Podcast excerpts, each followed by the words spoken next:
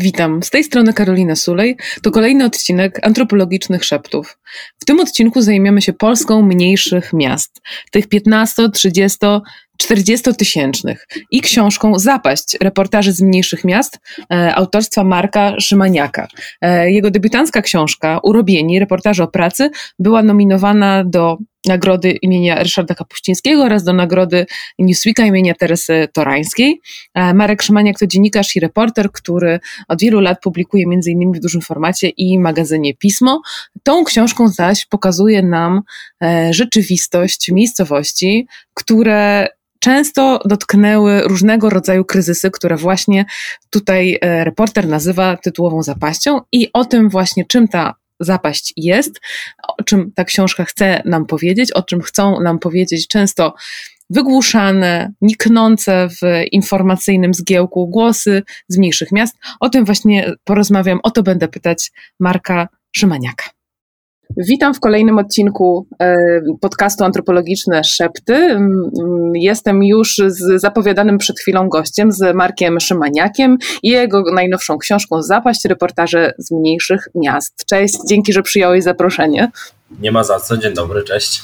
E, bardzo się cieszę, że będziemy mogli porozmawiać o Twojej książce, bo e, wydaje mi się ona szalenie potrzebna. E, szalenie potrzebna w tej Polsce, w której nieustannie nas dzielą, numerują, nadają nam nazwy liter alfabetu, no i generalnie gettoizują czy bańkują na różne sposoby.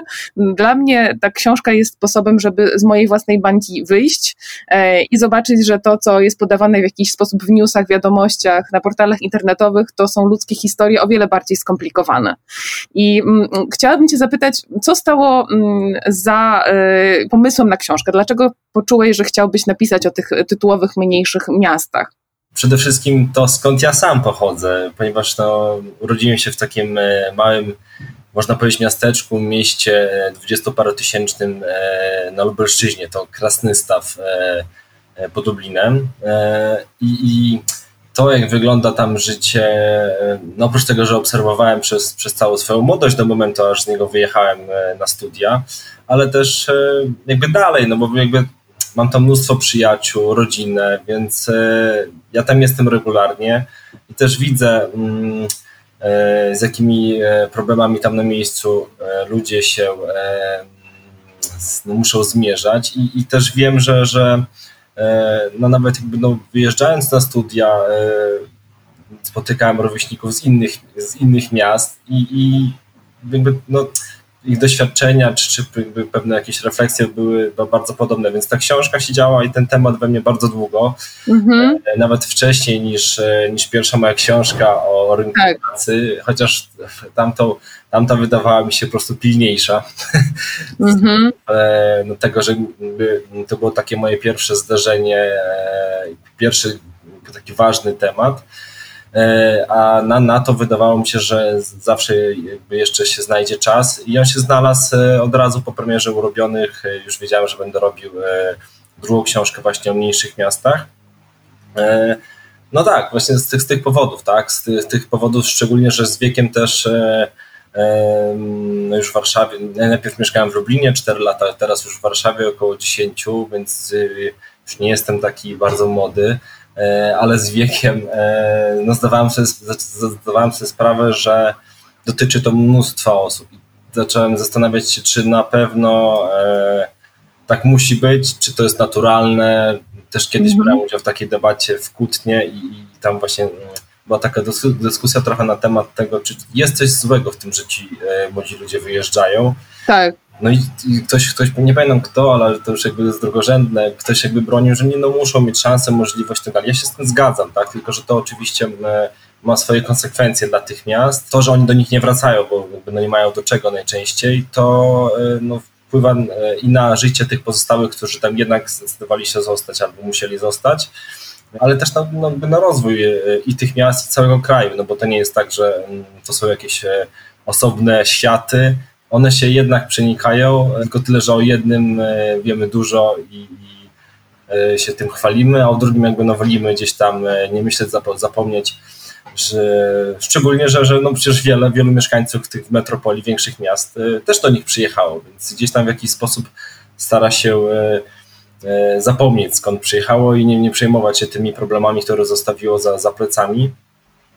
A ja właśnie chciałem opisać te problemy i pokazać, jak, jak to na miejscu w wielu miastach wygląda. I już jakby zmierzając do końca tej, tego mojego przydługiego, przydługiej odpowiedzi, natrafiło, stało się tak, że pod koniec 2017 roku ukazał się właśnie taki raport Polskiej Akademii Nauk opisującej 255 polskich miast. To są miasta powyżej 15 tysięcy mieszkańców i nie będące stolicami województw. Tym tak. wcześniej, mogły być wcześniej, które okazuje się mają bardzo poważne problemy społeczno-gospodarcze, takie, że tracą, mogą stracić funkcję, co znaczy, że, że następuje w nich no, na przykład tak duże wyludnienie, że, że usługi publiczne niektóre na przykład przestają e, funkcjonować i z tych 255 miast 122, czyli no prawie połowa ma bardzo poważne problemy, takie już alarmujące, którymi wypadałoby się e, zająć tak, w kraju, który e, szanowałby to, że, że obywatele mają, powinni mieć dostęp do takich samych dóbr tak. w, różnych, w różnych miejscach i jakby ten raport jest e, jakby no całym fundamentem E, wskazującym miasta, którymi ja odwiedzam. Mhm. Ja odwiedziłem blisko 30 tych miast i w nich starałem się no, szukać rozmówców, e, ich pytać o problemy, przeżycia, doświadczenia, no, też emocje, które, które jakby ich towarzyszą tym wszystkim wyborom na miejscu, ale też związanymi z wjazdami. Tak, bo tego jest, ten kalejdoskop jest. No, tak, kalejdoskop jest sam sobie przekrojowy, ale chodzi mi raczej o to, że starasz się pokazać, jak wygląda ta codzienność i taka wspólnotowa, e, i taka gospodarcza, tak, i, i, i taka związana z, nie wiem, z korzystaniem z kultury, powiedzmy, i taka rodzinna, jak wygląda lokalny patriotyzm, no i z czego się bierze ta tytułowa zapaść przede wszystkim, tak? E, dlaczego dokładnie to jest to słowo, którego zdecydowałeś się użyć? To jest takie moje pytanie. I jest jeszcze jedno słowo, które też bardzo lubię w Twojej książce. Jeden z Twoich bohaterów, raper, mówi, że ludzie tam w jego małym miasteczku y, są zakwaszeni i że Polska tych ludzi zakwasza. Uważam to za szalenie, rzeczywiście jakąś y, adekwatną metaforę związaną właśnie z tym, że w ogóle my tutaj lubimy kisić rzeczy w słoikach i te słoiki w ogóle. No i też właśnie to takie, że się nasiąka tym miejscem. I, no wiadomo, tak? I, y, mhm. Znaczy, jeżeli chodzi o słowo zapaść, to ono gdzieś tam się pojawia w tym raporcie e, i no tak myślę sobie, że mm, oprócz tego, że jest to bardzo mocne słowo, to trzeba przyznać, e, to też w wielu przypadkach po prostu bardzo dobrze oddaje jakby sytuację, bo no, trzeba sobie odpowiedzieć na pytanie, czym jest zapaść, no to jest jakimś takim stanem na chwilę przed e, jakimś dramatycznym wydarzeniem, albo nawet, e, nawet śmiercią, czy za zatrzymaniem, zatrzymaniem jakiegoś krążenia. No i właśnie dokładnie tak jest. Dokładnie tak jest w niektórych tych miastach, to jest, e, które są w stanie takim, że za chwilę mm, no, dojdzie tam do pewnych katastrofalnych dla tych społeczeństw. No właściwie już dochodzi do, do takich dramatycznych, dramatycznego obniżenia jakości życia. E, I to jest kluczowe. A, a to zakwaszanie to już bardziej dotyczy, tak myślę sobie, tego stanu e, tych, którzy tam zostali, mm-hmm. tak, którzy chcieliby, no bo to jest jakby no cały, cały taki, no jakby to powiedzieć, no perspektywa tego mm, pozostania tam i tych tak. refleksji e, dotyczących tego, e, no czy zostać, czy wyjechać. Jeżeli wyjechać, no to z jakimi to się wiąże konsekwencjami. Jeżeli, jeżeli się zostanie, no, no ten e, mój rozmówca właśnie bardzo fajnie tak myślę sobie opisuje to, że e, on wprawdzie wyjechał na krótko na studia, wrócił, został e, i, obserwuje to, mm, no, no, ma pewny też zmysł obserwacji jako, jako artysta, co się dzieje z, tam, z tym społeczeństwem, z tymi mieszkańcami i on ucieka właśnie w swoją pasję, tak? W, tak. tworzenie muzyki, to daje mu jakąś taką odskocznię i może nie pozwala o tym myśleć, że e, w gorszy sposób o sobie, a, ale, ale takie myśli też do niego docierają w taki sposób, że kiedy on mi tak opowiadał, kiedy na przykład, nie wiem, jacyś jego znajomi wracają do miasta na weekend, e, to nagle człowiek no, siłą rzeczy gdzieś tam się porównuje i, i, i widzi, że E, no, chodziliśmy razem do klasy, no ktoś tutaj już studiuje albo skończył studia, e, znalazł fajną pracę w jakimś dużym, w dużej firmie, w dużym mieście, rozwija się w tej pracy, nie wiem, robi jakieś super ciekawe projekty, no ale co robisz ty w tym małym mieście? I zastanawiasz się, no ja tutaj pracuję w fabryce żarówek, e, no i to zderzenie jakby jest e, siłą rzeczy może się wydawać e, tak. korzystne bardzo i może, może powodować pewne e, no, takie pogorszenie z opinii o samym sobie. Dlatego, tak. dlatego on ucieka w muzykę, ale no przecież nie każdy ucieknie w muzykę e, i nie każdy odnajdzie sobie w, sobie taką tak. jakąś e, pasję może, czy, czy coś, co pozwoli mu, mu jakoś uciec. Ale to też jest jakby no z drugiej strony, czy, czy oni muszą szukać tej ucieczki, w takim sensie, że dlaczego tam jest tak, że oni tak. tymi myślami e, muszą właśnie jakoś sobie, nie wiem, podawać środki przeciwbólowe na tą, na tą miejscową rzeczywistość, tak? Więc e, no właśnie, ale no, to, to jakby wszystko zmierza do tego, jak tam się żyje. I, i tak. E, no i to, to, to są podstawowe problemy. No, zacząłem od pracy, ja też Dokładnie. jest mi e, najbardziej bliski e, z, ze względu na zainteresowania. E, no właśnie, no, no ta, ta praca, nam, tam oczywiście zdarzają się dobre, dobre historie, też może od tej zacznę, e, o, o, o, opisywane na przykładzie no, małżeństwa, które wróciło do, do tego mniejszego miasta i, e, i po prostu trafiło w niszę. Ona jest e, psychologiem w większym mieście, gdzie, gdzie co roku no można powiedzieć, produkuje się absolwentów tego kierunku e, całkiem sporo, no to, to ta rywalizacja na tym rynku pracy jest, jest dość ciasna, jest, ten rynek pracy jest dość ciasny i ona, ona opowiadała, że no musiała być na jakichś stażach, potem za jakieś marne pieniądze i, i no kiepsko to wyglądało w dużym mieście, a kiedy wróciła do małego okazało się, że nagle ona jest jedyna, właściwie na tym rynku nikogo nie ma i są kolejki e, klientów, pacjentów na kilka miesięcy do przodu, no więc pod tym względem y, oczywiście no, oni tutaj jakoś sobie bardzo dobrze zawodowo poradzili i, e, to są oczywiście rzadsze historie, ale z drugiej strony no, w, w ich przypadku brakuje tej oferty w, w, innym wymiarze, wymiarze tego, co robić po tej pracy, jakie, jakie mniejsze miasto no właśnie. E, możliwości rozrywkowe, kulturalne, nawet takie towarzyskie i e, ja się z nimi spotkałem w pamiętam, takiej restauracji i też rozmawialiśmy, no bo oni po pracy gdzieś około 20 czy tam 19 rozmawiamy, rozmawiamy i nagle kelnerka przychodzi i mówi, że oni już zamykają, bo już się zbliża 21. Tak. I to jest jakby standardowy problem, że, że no może czy, długość otwarcia lokali to jest jeden problem, a drugi jakie one są, e, ile ich jest, czy, czy E, jest gdzie wyjść. E, to się akurat bardzo często powtarza, że, że w mieście jest, nie wiem, jedna kawiarnia albo nie ma jej wcale. E, wygląda tak, jakby od 30 lat nic się tam nie zmieniło. Jest kilka restauracji, które oferują to samo, więc jeżeli chce się jakiś no, czegoś więcej niż, niż, niż, to, niż to minimum, szczególnie jeżeli się poznało E, smak tego większego miasta, możliwości większego miasta, gdzie, gdzie no nie wiem, tak. w jakimś dużym mieście, to można codziennie do innego lokalu wychodzić przez rok i tak. się okaże, że lista jeszcze nie jest jakby zakończona. Tak, nowe. Więc tak. E, jak ktoś posmakował czegoś takiego, to trudno mu jest potem przywyknąć do tego e, gorszego powiedzmy poziomu w, w mniejszym mieście. Tak. To, to jest jedna rzecz, a, a druga no, na przykład ta oferta kulturalna, która, która jest taka, że E, nie wiem, też z perspektywy dużego miasta. Mamy ochotę wyjść do kina, sprawdzamy szybko w telefonie, co grają, a grają wszystko. Tak. Mamy właściwie iść w ciemno, wybrać dowolny film, e, który nas interesuje i, i bach i jesteśmy, tak? W mniejszym mieście e, okazuje się, że na, jeżeli nasze kino w ogóle istnieje w naszym małym mieście, to może być tak, że gra, nie wiem, dwa, trzy filmy na, na krzyż, z opóźnieniem bardzo często po premierze, już nie wiem, dwa, trzy tygodnie, czyli wszyscy już obejrzeli i więc jak ktoś chciał obejrzeć aktualnie, to i tak musiał e, na bieżąco, to, chciał, to musiałby pojechać do dużego miasta. A poza tym może się zdarzyć tak, że, że nawet pójdziemy do tego kina i nam nie puszczą tego seansu, ponieważ nie zebrała się odpowiednia liczba, e, liczba osób do tego. W tak. moim rodzinnym mieście, pamiętam, przez lata tak było.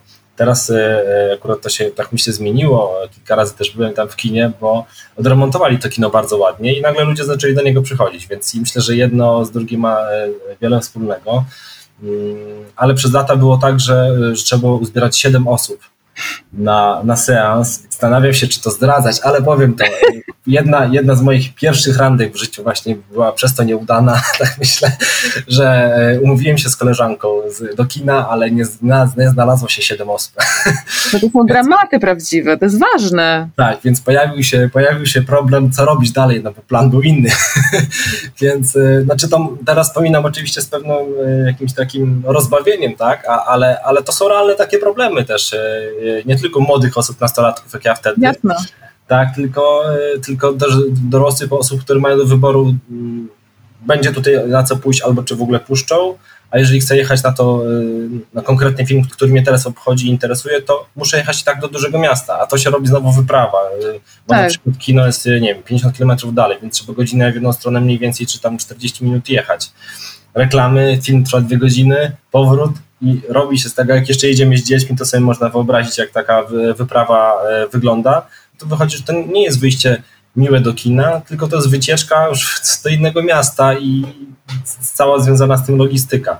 Tak. Ale odchodząc od kultury. Ale to jest bardzo ważne. E, to jest to właśnie dużo, dużo problemów naraz, właśnie uczestnictwo w kulturze, jakby możliwość właśnie, nie wiem, zaznania przyjemności w życiu takiej, która nie wymaga tej dodatkowej logistyki związanej z wysiłkiem, e, transport tak szalenie ważny, ale też e, właśnie taka dostępność, która jest też związana z jakąś dostępnością przecież finansową, bo jak pojedziemy do tego miasta większego, no to tam bilety w multiplexach są już drogie, tak a zarobki w mniejszym mieście inne.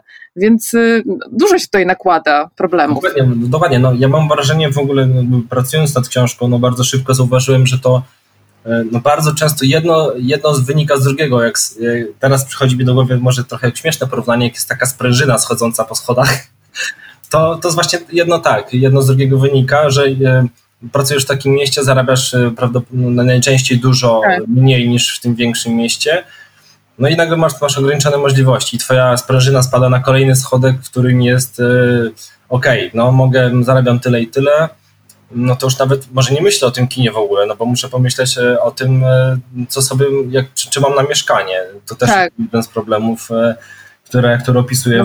No to też jest, może być zaskakujące dla osób mieszkających w większych miastach, bo bardzo często w ogóle o problemie mieszkaniowym mówi się w kontekście tych największych metropolii, z prostego względu, że, że tutaj są rekordowe ceny i uwagę mediów zawsze będą ściągać e, to, co jest największe, najszybsze, jak Pawlak lądujący w Chicago. E, I, tak. i media będą się interesować tym, zawsze będzie przykuwało uwagę, że 10 tysięcy złotych czy 11 kosztuje metr kwadratowy mieszkania w, e, w Warszawie jak te ceny szybko rosną, to też jest oczywiście przecież patologia, ale nikt nie pomyśli o tym, że metr kwadratowy, nie wiem, kosztujący 3000 zł gdzieś tam w mniejszym mieście, to jest dużo. No z perspektywy warszawskiej to się może wydawać śmieszne, za darmo rozdają mieszkania, można, można powiedzieć, tak? tak? Ale jeżeli zarabiamy, e, nie wiem, łącznie ze swoim partnerem, partnerką 4000 zł, czy coś takiego, no to to się robi już właściwie porównywalne, tak? Do, do, jeżeli, mamy, jeżeli mamy do dyspozycji, nie wiem, 10 tysięcy złotych e, na parę w Warszawie, zarabiając powiedzmy po 5.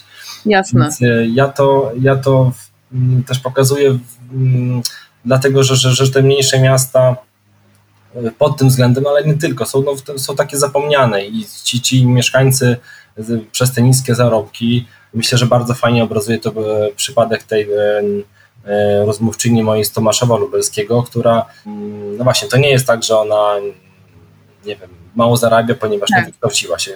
Przeciwnie, zrobiła wyższe studia, pracuje jako urzędnik państwowy i ona to właśnie tak podkreślała, że to jest, jest urzędnikiem państwowym, coś wydawałoby się jednak ważnego.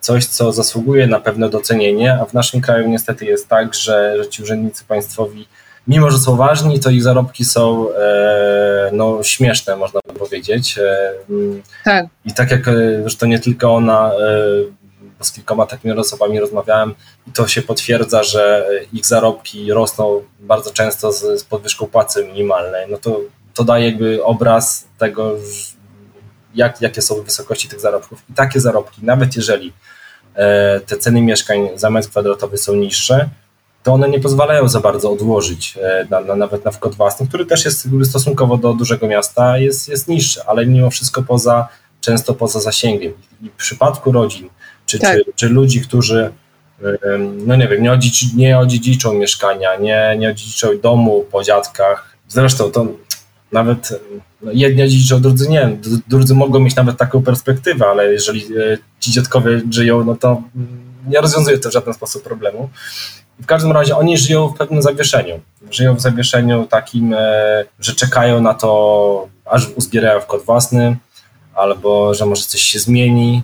Tylko tyle, że czas e, leci, a oni nie mogą wejść w, w taką tak. dorosłość, no bo też tak Te ich myślę, wybory są pozorne. Mhm. Tak, wiele, tak myślę, że wielu osób się zgodzi, że, że w ogóle rozpoczęcie dorosłości to są dwa takie zasadnicze momenty, czyli, czyli właśnie rozpoczęcie już takiej poważniejszej pracy, typu to no już na umowie o pracę powiedzmy, albo, albo na pełen etat, a nie jakieś tam, nie wiem, nie chcę tego umniejszać, ale wakacyjne zbieranie, nie wiem, wiśni czy mali, no to można sobie dorobić, E, a, a taka prawdziwa praca, pierwsza praca poważniejsza to już jest pewien taki krok w dorosłość, że już sami możemy się powiedzmy utrzymać, a drugi to właśnie pójście e, na swoje, mieszkanie samodzielne już poza domem rodzinnym, czy, czy poza mieszkaniem rodzinnym. No właśnie, i, i, o ile ten pierwszy krok ci ludzie pierwszy często wykonują, to, to do, do, drugiego nie mogą wykonać, bo już nie jest aż tak zależny od nich, już nie przeskoczą tego, tak. bo to nie jest, to jest za wysoki próg po prostu do przeskoczenia no i oni tak właśnie tkwią. I ta jedna, nawet e, ta wspomniana osoba z, Tomaszowa Lubelskiego, to mówi, że no, swoim partnerem przeszła po bankach i żaden jakby no, nie był zainteresowany z ich zarobkami, by udzielić im kredytu. Z drugiej strony, e, żeby myślisz sobie, zarabiam za mało, no to może jest jakaś pomoc dla mnie socjalna, ale też tego nie ma, no bo e, na mieszkanie w komunalne w Tomaszowie Lubelskim gdyby nawet spełniali warunki e, finansowe, a nie spełniają, bo jednak tak. za to za dużo, to czeka się 15 lat. Więc to jest takie, to się można w ogóle nie doczekać. Więc, no e, właśnie. Więc oni wpadają w taką lukę, specjaliści nazywają to luką czynszową. Jest to bardzo duża grupa osób w Polsce, już mówiąc ogółem, których nie stać ani na kredyt, nie stać ani na kredyt, a zarabiają właśnie za dużo na, na pomoc e, na mieszkanie komunalne.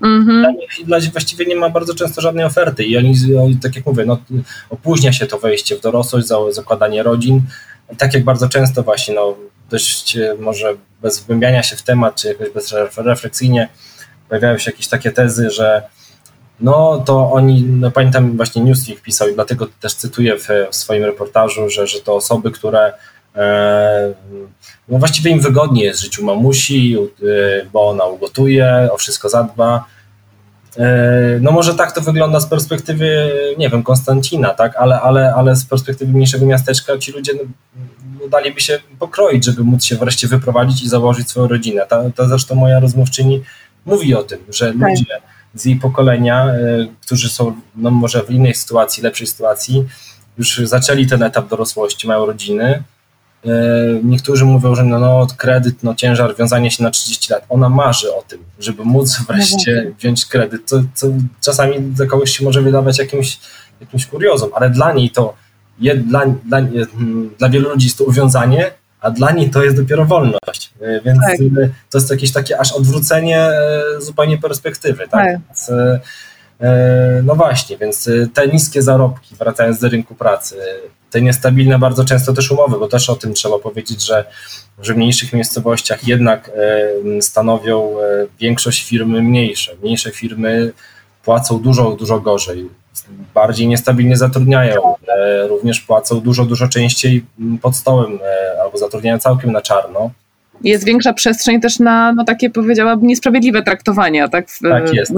Inna też jest pozycja pracownika, tak. E, więc e, to wszystko też jakby się, no, nawet jakby zostając z tym płaceniem pod stołem, e, możemy zarabiać minimalną, coś tam szef dorzuci kilka stówek, fajnie, tylko że co jeżeli nie dorzuci za, w kolejnym miesiącu, nawet jeżeli obiecał, tak. nie ma tego na umowie, więc nie ma jak tego wyegzekwować jak z, e, takim, z taką sytuacją sobie poradzić, e, kiedy mamy, no już udało nam się i mamy ten kredyt, więc e, no to, jest, to, są, to są rzeczy, które nie wiem, z perspektywy większych miast mogą się nawet wydawać no, jakimś taką rzadkością, tylko tyle, że tam, tam są części. No, w większych miastach już, albo nawet to, co jedna z bohaterek opisuje, jak szukała pracy po powrocie do, do swojego miasta, nie mogła w ogóle nic e, przez kilka miesięcy znaleźć. I w przypływie takiej jakiejś frustracji, czy już zniechęcenia, no rozesłała swoje CV do, do mm, firm w większych miastach i nagle okazało się, że jest odzew. Jest odzew, jest zapotrzebowanie na osoby tak. z, z, jej, z, jej, wykształceniem, z, a była magistrem inżynierem e, i okazało się, że te firmy nawet e, nie tyle chcą ją zatrudnić do pracy, co y, już na wstępie mówią, że za chwilę w nią zainwestują, zapłacą jej za studia podyplomowe, które e, no, z jej perspektywy to kosztowałoby jakieś ogromne pieniądze, już nie pamiętam, czy 7 czy, czy 9 tysięcy złotych Jasne. za rok nauki, to ona mówi w mniejszym mieście, to szansa, że mi to pracodawca sfinansuje jest, jest bardzo mała, raczej nie ma na co liczyć, więc musiałaby na to odkładać tak. Mm, z takiej marnej pensji na pewnie za rok albo więcej. A tutaj nie dość, że e, i to pracodawca sfinansuje, to on, oni mówią, jak tylko skończysz to studia, to my ci dajemy podwyżkę. I ona mówi sobie, że to jest nie do pomyślenia w takim mniejszym mieście, że, że e, jakby odwrócenie takiej perspektywy, że firma właśnie e, widzi e, jakiś taki no, wartość w pracowniku, tak. e, że chce w niego inwestować te pieniądze i bo wie, że jej się to prawdopodobnie opłaci, że te umiejętności tak. będą większe i ta, ta osoba tam zostanie, bo też tak. będzie czuła się podmiotowo i że jest dobrze traktowana, tak, więc jasne. E, więc te jakby światy e, rynków pracy w wielkich miastach, e, a w mniejszych miejscowościach tak. dzieli przepaść pod wieloma względami, ale najważniejsze to oczywiście są stabilne zatrudnienia, pieniądze, tak. I, nawet możliwości rozwojowe, możliwości Jasne. doskonalenia się. No powiem ci, że, że tak czytając twoją książkę, to, to momentami mm, czułam, że naprawdę jest tam bardzo dużo takiego nie wiem, że ja się czułam bardzo bezradnie, że, że, że, że czuję tych ludzi, którzy kochają te swoje miejsca, w których dorastali i masochistycznie czasem w ogóle wręcz, biorąc pod uwagę właśnie te wszystkie czynniki, które im utrudniają życie, chcą tam pozostać, zakładać rodziny i że yy, i, i, I, że jak można w ogóle od nich wymagać tego, żeby tam zostali, a z drugiej strony Polska stoi umie miasteczkami, to jakby to jest kraj miasteczek, a one są tak jakby mm, w pewnym sensie podstawowo zaniedbane, tak jak powiedziałeś, zapaść to jest świetne słowo, bo, bo tam jakby trudno zrealizować te podstawowe potrzeby, tak, mieć pracę, mieć mieszkanie, e, jeszcze nie powiedzieliśmy tak o, zdro, o zdrowiu, takim zdrowym środowisku, e, no właśnie ta kultura, o której już powiedzieliśmy, że są jakieś, jest, to, jest jakieś absolutne, mm, wydaje się, mm, e, takie no, abecadło tego funkcjonowania w współczesnym świecie, którego tam nie ma, a ludzie mimo wszystko chcą, jakby niektórzy twoi bohaterowie chcą tam zostać, mimo że są boleśnie świadomi tego, e, jakby, że ich tutaj nic nie czeka. No bardzo to jest przejmujące i dramatyczne, szczególnie, że właśnie e, e, trzeba sobie uświadomić, że jest to większość Polski, a nie żadna tam jakiś przypis. Kluczowe jest w tym, co jakby mówisz, że chcą. No. To się może wydawać absurdalne dla kogoś. Tak. Dlaczego oni chcą tam tak na siłę w tym mniejszych miastach? Tak. Znaczy, ale ale no, no, to każdy może sobie odpowiedzieć, skąd jest. Zawsze będzie człowieka ciągnąć, e, jeżeli miał jakieś w miarę normalne relacje rodzinne w mniejszym, w swojej w rodzinnym otoczeniu, zawsze będzie go ciągnąć do tego miejsca, do rodziny, do bliskich bo to jest taka e, nierozerwalna, tak mam wrażenie, mm, jakaś taka e, więź, czy, mm, czy te korzenie, no nie da się tego uciec. Da się oczywiście to e, sobie jak na głęboko schować w sobie, gdzieś tam tłamsić, że tak się tak naprawdę tego nie potrzebuje I, i tak ludzi mnóstwo po prostu robi, racjonalizuje sobie, że tak. okej, okay, ja jestem, nie wiem, z, z małego miasta, zresztą sam jestem tak tego przykładem, jestem z małego miasta, no tęsknię za rodzicami, tęsknię za, za bliskimi. Kiedy tam przyjeżdżam, to mimo, że nie jest tam najpiękniej na świecie, to ja, to ja po prostu bardzo lubię to, to miejsce. E, takie nawet to są kwestie związane z wspomnieniami z młodości i tak dalej. No, każdy pewnie też ma w jakimś e, ulubione miejsca w swoim mieście, czy to jest Warszawa, czy to jest e, nie wiem, Radom, ale i do tych miejsc go ciągnie siłą rzeczy, więc to, to po prostu jest gdzieś tam w nas e, wrodzone, plus kwestie takie tożsamościowe związane z historią, e, tak. z rodziny, z korzeniami, co robili nasi przodkowie, no to są tak. mega ważne ciekawe rzeczy, tylko tyle, że to się zakupuje racjonalizując, że no dobrze, tam to wszystko jest, ale tutaj mam pracę, która da, daje mi dobrą jakość życia. Tutaj jest w Warszawie, w Krakowie, Poznaniu, w którym mieście tutaj jest ta dobra jakość życia na poziomie, że mogę pozwolić sobie na, mam stabilne życie, mogę utrzymać bez kłopotu rodzinę, mogę sobie, nie wiem, jeździć na wakacje, żyć w mieście, które już właściwie jest taką europejską stolicą, że, że nie odstaje w niczym od, od tych innych. okej, okay, mogę wrócić tam, tylko że moje życie się wtedy pogorszy, więc no, no te kwestie tożsamościowe się po prostu chowa, chowa w kieszeń. Mm -hmm. E, oczywiście, no, z, z, czasem one buzują mocniej, czasem mniej. E, gdzieś tam też z wiekiem tak myślę sobie, że jest, że pewna jakaś taka potrzeba i, odpowiedzenia sobie na, na pewne pytania i wtedy zaczyna się gdzieś tam szukanie jakichś korzeni i tak dalej, tylko wtedy już jest bardzo często za późno, bo, bo ci pozostawieni tam na tych rodzinnych miejscowościach e, rodzice czy dziadkowie już dawno, czy no, dziadkowie już dawno nie żyją, rodzice tak. już nie żyją i wtedy, wtedy no jest, e, no właśnie, jest już troszeczkę za późno, więc czemu, czemu ci, ci ludzie tam chcą być? Bo bo tęsknią za swoimi, za swoimi miejscami. Tak jeden z rozmówców e, z, z miejscowości na, na Mazurach mi o tym opowiadał, kiedy wyjechał tak. E, na emigrację, ponieważ na sytuacja na rynku pracy była e, bardzo zła, kiedy, kiedy no musiał wyjechać po prostu, tak. żeby, żeby przetrwać. I okazuje się, że, że on po kilkunastu latach już, mimo że tam się poradził sobie bardzo dobrze, najpierw pracował fizycznie, potem E, pracował już w miejscu, gdzie rekrutował ludzi, e, więc to już jakieś takie stanowisko bardziej e, no, biurowe. Nauczył się perfekcyjnie angielskiego języka, więc tak. odnalazł, się, odnalazł się po prostu tam na miejscu. Miał dobre zarobki, stabilną pracę, ale postanowił wrócić, bo wrócić, bo ciągnęło go do tych, mówi, rodzinnych widoków, jezior, lasów. To jest mówi, jego miejsce i on chce tam być. I on mówi, ja się godzę na to, że, że będzie trudniej, że te zarobki będą gorsze, ale mówi mi, ale że aż tak. No właśnie. Nie byłem gotowy na to, że to będzie aż takie zdarzenie z, ze ścianą, że, że to podejście do pracownika będzie takie. On mi właśnie opowiadał taką historię, jak e, obiecano mu jedno tam na umowie, dostał drugie. Potem obiecano mu podwyżkę, też musiał, e, wodzono go właściwie za nos, żeby jak najdłużej go zatrzymać. Kiedy, kiedy w końcu E, gdzieś tam ta frustracja w nim wybuchła i ponieważ jest dość bezpośrednim człowiekiem, to, to wykrzyczał to on e, swoim przełożonym, to znowu gdzieś tam mu coś obiecano. Kiedy już rzucił papierami, to e, znowu podsunięto mu jakieś papiery, że zrezygnował z nadgodzin, z pieniędzy z nadgodziny. I on mówi, no to jest, to jest takie środowisko, że no nie da się po prostu jakby normalnie funkcjonować, bo pracownik tutaj zawsze będzie E, on używa do, dosadnych słów, e, zawsze będzie pokrzywdzony, tak? Więc zawsze będzie ktoś go próbował oszukać. I tak, i tak po prostu bardzo często jest. Tak bardzo często jest, że, że jeżeli chcemy w tej mniejszej miejscowości pracować, to musimy gdzieś albo, albo samemu spróbować swoich tak. sił, co też nie jest łatwe, bo nie każdy ma przecież jakiś majątek, pomysł, nie każdy też musi być przedsiębiorcą. A z drugiej strony, no, jeżeli nie, no to musisz, musisz, musisz się godzić po prostu na pewne na tą rzeczywistość, jaka jest e, e, i no, stępić to, ten bunt w sobie, licząc się, że to jest koszt tego, że, że jesteś tam w tym miejscu. miejscu. No powiem Ci, to, te poświęcenia są dla mnie na różnych poziomach, tak jakby różne Twoje bohaterowie, różnych poświęceń Twoi bohaterowie dokonują na rzecz pozostania tam właśnie. E, są też takie bardzo przyjmujące historie do, dotyczące transformacji oczywiście, jakby zmian dotyczących e, tego, jak Polska się zmieniła e, w latach 90. i później w latach 2000 również, bo ta transformacja była rozciągnięta na lata. Mówię o tych historiach zamykanych zakładów, wokół których często miasteczka e, się budowały.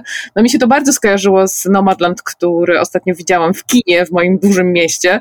E, i tam ta bohaterka właśnie chodzi po takim zakładzie jej męża, mm, który został zamknięty, Empire, i ogląda z sentymentem jakby te wszystkie pozostawione tam rzeczy, te pomieszczenia.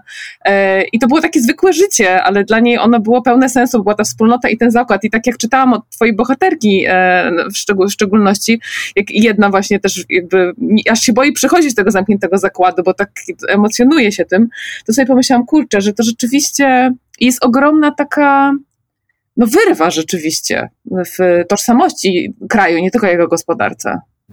Tak, bo znaczy to też jakby na wielu poziomach, e, na takim poziomie ludzkim to jest e, e, no coś takiego trzeba by się zastanowić, czy, za, za, czym ci ludzie tęsknią i wtedy no, odpowiedź jest co im dawał ten zakład, bo dawał im nie tylko e, jakieś takie stabilne zatrudnienie, zresztą też trzeba podkreślić i oni to za każdym razem mówią, że tam praca była bardzo ciężka, to nie były przelewki, e, tylko to była praca w jakimś kurzu, w pyle, w hałasie, Pensje też nie były jakieś rewelacyjne, ale jednak pewna stabilność była. Było to, że jest zakładowy lekarz i mogę do niego pójść.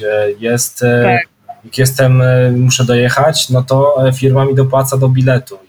Kiedy jadę, mam urlop wreszcie, to firma ma jakiś środek wypoczynkowy i do niego jadę, więc E, kolejna rzecz to kultura. Też e, przyzakładowe jakieś były bardzo często, czy, tak. czy kina, czy, czy no, organizujące za, po prostu kulturo, rozrywkowo-kulturową część jakby naszego, naszego życia. Tak. Więc one e, jakby zapewniały całe otoczenie, całość, no może nie wszystko, ale pewne, pewne tak pewien krąg tych wszystkich rzeczy. I po transformacji, kiedy te zakłady, niektóre od razu upadły, niektóre, tak jak ja opisuję na przykładzie Frotexu tak. z Prudnika, to jest pod Opolem, e, upadały przez e, no, wszystkie, no, ponad dekadę, około dekady, więc e, to był proces i, i obcinano i zatrudnienie, i obcinano e, te dodatki różne, można powiedzielibyśmy dzisiaj, benefity, bo czym to się różni tak naprawdę od e, pakietu LuxMedu, Jasne, od, oczywiście. E, nie wiem, karty do kina. Dzisiaj firmy, które dbają o pracowników, dokładnie to samo robią, tylko nazywają to zupełnie inaczej.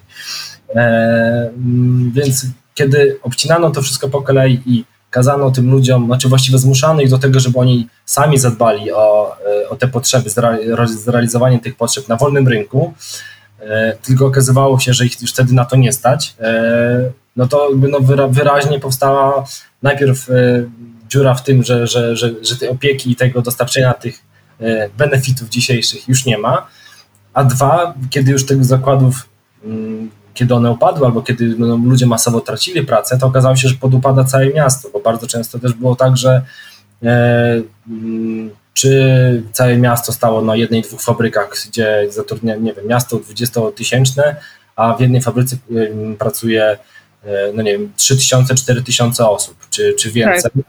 I to nie są tylko te osoby, tylko ich rodziny także, więc to trzeba, trzeba bardzo często mnożyć, więc e, kiedy taki zakład upada, nagle okazuje się, że pół miasta nie ma pracy. I to no, e, do, no, prowadzi do pewnej degradacji całe, całego miasta, bo nagle ci ludzie nie mają co ze sobą zrobić. Wyje, są, no, trzeba podejmować po prostu dramatyczne decyzje, trzeba wyjeżdżać, trzeba się ratować i ludzie się ratowali no, na różne sposoby. Ja też opisuję to jak e, mm, no, nie wiem, w Braniewie, Bartoszycach, Kętrzynie, czyli, czyli w tych miejscowościach e, przy, przy granicy z obwodem kaliningradzkim, mm, gdzie tam przez lata panowało 30-40% bezrobocie, gdzie w ogóle z perspektywy dużego miasta to jest niewyobrażalne, tak?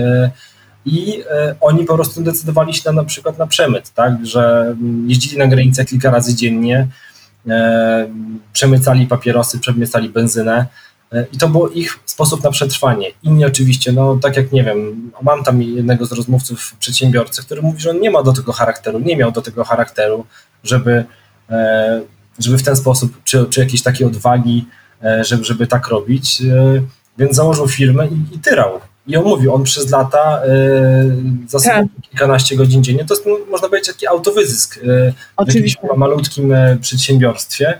Inni z kolei, którzy nie byli, no nie wiem, nie mieli odwagi założyć firmy i nie mieli odwagi jeździć na granicy, no musieli po prostu wyjechać najczęściej, czy, czy właśnie tak. do większych miast, y, albo, albo po prostu za granicę, więc tak. Y, radzili sobie w taki sposób, jak, e, jakich, e, jakie były możliwości, a możliwości i warunki były po prostu bardzo ciężkie. Zresztą jeden z moich tych rozmówców e, z Kętrzyna, ile dobrze pamiętam, on no po prostu świetnie to, moim zdaniem, to podsumował, że, że, że to był po prostu survival, że przetrwanie w takich warunkach, za, za tak. przetrwanie w takich warunkach to się należy właściwy medal i odznaka, a nie pogarda, a, a niestety no, to drugie raczej e, było serwowane mieszkańcom tych miast, e, bo to o nich się mówiło, że oni sobie nie radzą w tej e, wolnej tak. Polsce, wolnorynkowej rzeczywistości i w ogóle nie pasują do, do tego nowoczesnego kapitalizmu i mm, no właściwie tylko czekają, aż coś im spadnie z nieba i, i niech się lepiej wezmą do pracy, a nie leniuszki sobie tam czekają na, na pomoc. A jak można o takich osobach mówię trochę z przekąsem, ale, ale taka narracja, taka narracja no, była. Tak, tak, tak, oczywiście. A jak, jak, jak, jak o takich osobach można mówić, kto, nie wiem, 12 godzin zrobił wszystko, bo to też kwestia porównania możliwości na przykład, na przykład kontaktów. Ktoś w dużym mieście, oczywiście nie wszyscy, ale no, nie wiem, szuka pracy, rozpuszcza wici i gdzieś tam się może ta praca zaraz znajdzie, bo jest więcej możliwości. Tutaj, kiedy 40% bezrobocie jest, czy 30%, e, jedyną możliwością jest na przykład i znajomością, bo nasz kolega już wcześniej wyjechał na zmywak, czy wyjechał e, pracować w fabryce e, gdzieś tam, nie wiem, w Szwecji, czy, czy w Wielkiej Brytanii. Tak. On jest naszą jedyną e, szansą. Jego prosimy, żeby nam pomógł. E, I on nam najczęściej pomaga i gdzieś tam nas przekima przez, e, mówiąc, przenocuje przez kilka, kilka nocy na emigracji pierwszych, żebyśmy po prostu dostali tą tygodniówkę i wynajęli sobie jakiś pokój albo jemu zapłacili. E, I to jest, teraz dużo się mówi o tych wartościach takich kontaktów i tak dalej. To, to, to był jedyny kontakt, więc taka osoba jedzie tam, ryzykując wszystko, bo, nie, bo, bo na miejscu nie ma nic, jakieś swoje ostatnie oszczędności, jedzie i, i stawia na jedną kartę, że, że tam może mu się uda i tam zasuwa najczęściej też e, e, kilkanaście godzin dziennie, bo nie dość, że musi siebie utrzymać, to jeszcze wysyła pieniądze do domu, żeby tam ci, którzy zostali, jakoś odetchnęli. Jakoś mi się troszeczkę no, ułatwiło dzięki tym zagranicznym zarobkom tego, który wyjechał. I jak o takiej osobie można powiedzieć, że ona jest na przykład leniwa albo że ona nie pracuje. No, dla mnie to są po prostu rzeczy, które kiedy się porozmawia z tymi ludźmi, tam na miejscu, co oni przeszli i ciągle jeszcze przechodzą, bo sytuacja też jest ciągle z pracą tam też jakoś super różowo przecież nie jest. Tak. Czy porównać statystyki, że, że no w skali Polski jest średnia kilka procent, a tam jest bardzo często jeszcze dwucyfrowa. E, no więc jak e, po pierwsze o takich ludziach mówić w negatywny sposób, ja tego po prostu no, e, nie do końca rozumiem, ale, ale jak się rozmawia, e, jak ktoś tak mógł takie oceny po prostu wydawać i myślę, że kiedy właśnie rozmawia się z takimi już ludźmi, widzi te ich losy, to, e, to ten ochota do oceniania negatywnego, do krytyki już odpada, więc odpada i, i, po prostu bardziej się rozumie może, co, co, co ci ludzie przeszli. No wydaje mi się, że to jest kluczowe słowo w ogóle y, dotyczące odbioru Twojej książki, że że pojawia się to zrozumienie, to zrozumienie, które, ta refleksja, która wynika z poznania właśnie ludzkiej historii e, na takim poziomie właśnie codzienności, który jest dla każdego jakoś tam intuicyjnie dostępny, a nie na poziomie właśnie jakiegoś newsa z, e, nie wiem, te, te, jakiegoś e, programu informacyjnego, który po raz kolejny powie, nie wiem, że w Hajnówce właśnie to tam nikt nie dba o ekologię, tak, tylko że są robić krzywdę naturze, tak, a, a z kolei właśnie, że tutaj jakieś tam inne osoby e, palą cały czas tymi śmieciami tylko i wyłącznie, tak, złośliwie, właśnie też nie dbając o naturę i kryzys klimatyczny, tak, i że nagle jakby te, te problemy, które dla mieszczuchów jakby są jakimiś straszliwymi grzechami tych takich ciemnych ludów z tych mniejszych miast, tak naprawdę e, są przedstawione jako jakby realna, e, jakby, jakby realna, jakby codzienna problem, tak, ale bardzo niewymiarowy, niejednowymiarowy. Znaczy też, bo to jest kwestia tego, jak, jak się to przedstawia i, tak. i dlaczego. No, jeżeli w polskich mediach e, mm, no jest taka niestety warszawsko-centryczność. Nawet jeżeli e, się zajmują jakimś tematem, no to w momencie, kiedy on jest e, jakiś sensacyjny, ale też nie szuka się przyczyn pewnych, pewnych rzeczy. Kiedy, no nie wiem, przedstawia się kraśnik, to, to się mówi o tym, że radni, e, no podejmując nie najmądrzejszy krok, wprowadzili jakąś strefę anty-LGBT. To jest oczywiście ważny temat, ale następuje potem jakiś tydzień, tak. dwa wyśmiewania tego mniejszego miasta. Wyśmiewania tak. się, nie wiem, z, z Radomia i z, z wielu innych. Tak. Szukając jakby odpowiedzi na to, e, dlaczego pewne rzeczy są e, tam i jakie są inne realne problemy. Raczej TVN24 wyśle reportera do Prudnika, jak ktoś wyrzuci dziecko z czwartego piętra, nie, a nie wtedy, kiedy wyjeżdża z niego tam, no nie wiem, czy do Hajnówki, nie wyjeżdża tam kilkaset osób, czy kilkadziesiąt, co jest w skali małego miasta bardzo dużo e, co roku. Nie zastanawia się, dlaczego wyjeżdżają. Z drugiej strony bardzo łatwo to odwrócić. Jasne. Już o tych wspomnianych mieszkaniach. Tak. E, są ceny tak zawrotnie. Dlaczego? Tak. No bo ludzie przyjeżdżają. No to dlaczego wyjeżdżają? No wystarczy zadawać sobie jakieś podstawowe pytania. Tak E, bo naprawdę nie wszyscy muszą mieszkać w Warszawie czy w tych dużych miastach, Dokładnie. ale tak się dzieje, więc e, to, to też rodzi na, nawet, nawet tym warszawiakom, krakusom czy, czy ludziom z, z dużych miast powinno zależeć, żeby w tych mniejszych miastach lepiej się żyło, no bo im też będzie się e, o tyle lepiej żyło, że na przykład te ceny nie będą aż tak windowane ze względu na popyt. Tak. Popyt przez to, że przyjeżdżają nowe osoby ciągle, jest, jest ogromny i te miasta też tak. no, duże mają swoje problemy, bo się rozlewają. Mm, no, jakie były przecież w ostatnich latach kampanie, żeby ludzie tutaj płacili podatki, bo e, no, infrastrukturę na przykład trzeba budować, więc e, no tak, no, zainteresowanie tutaj mediów jest, jest kluczowe. E, ale my o tym świecie no, bardzo często e, rzadko słyszymy, tak od strony już takiej prawdziwych problemów, prawdziwych tych zmartwień tych, tych tam na miejscu, kiedy widzimy, e, no nie wiem, że, że powstaje mm, fabryka Amazona pod, kolejna pod jakimś miastem albo pod Wrocławiem, nie zastanawiamy się, że chwilę temu, no może nie taką chwilę, ale całkiem niedawno upadł tam Bielbaw, który zatrudniał kilka tysięcy tak. ludzi, w Dzierżeniowie upadło kilka, w pobliskim kilka też fabryk ogromnych i E, wow, super, amerykański inwestor, Jeff Bezos nas lubi. Tylko, że jednocześnie to oznacza na przykład e, dwie godziny dojazdów dziennie dla tych osób, bo oni u siebie w mieście nie mają pracy, tylko muszą dojechać, wstać o czwartej rano, dojechać do miejscowości, gdzie e, zatrzymuje się darmowy autobus Amazona, wsiąść w niego i dojechać dopiero do pracy, która na zmianę, która trwa też 12 bodajże godzin i dopiero wrócić. Więc e, o tym nie myślimy, o takich e, innej perspektywie zupełnie tych, tych mniejszych miast oddalonych od tych metropolii, bo no jakoś tak przez, tych ostatnich latach skupiliśmy się na tych metropoliach, na ich rozwoju, tak. nie zastanawiając się, co z tymi innymi, tymi mniejszymi miastami, na które ten dobrobyt jakoś no nie chce wpływać, przy, przynajmniej na, tak. na pewno nie tych oddalonych dalej, bo mówi się, że ten dobrobyt spływa na 20-30 kilometrów, no ale to jest dość hmm. blisko, więc, e, tak. więc e, no, trzeba, trzeba by się zastanowić e, i, i, przypomnieć sobie, że, że Polska to nie są tylko te duże miasta, ale też no właśnie mniejsze, jaka jest w nich jakość życia, no, że, że mieszkańcy tych mniejszych miast mają takie same prawa, ponieważ mają takie same obowiązki. Tutaj no, przychodzi mi do, do głowy historia mm, z, z Kraśnika właśnie, E, o, o kobiecie, która spodziewała się dziecka, zbliżał jej się tak. poród. I też e, w pewnym momencie ze względu na to, że e, miejscowy oddział, mm, miejscowa porodówka tak. Mm, była, przynosiła straty, no to postanowiono ją zlikwidować. W momencie, kiedy ona chciała rodzić w tym miejscu, bo chciała rodzić na miejscu, miała też dobre jakieś takie wspomnienia, bo jej siostra rodziła wtedy tak. i wszystko było w porządku i nagle okazuje się, że, że, że są plany zlikwidowania tego miejsca, tak. ponieważ jest blisko do Lublina, 50 kilometrów.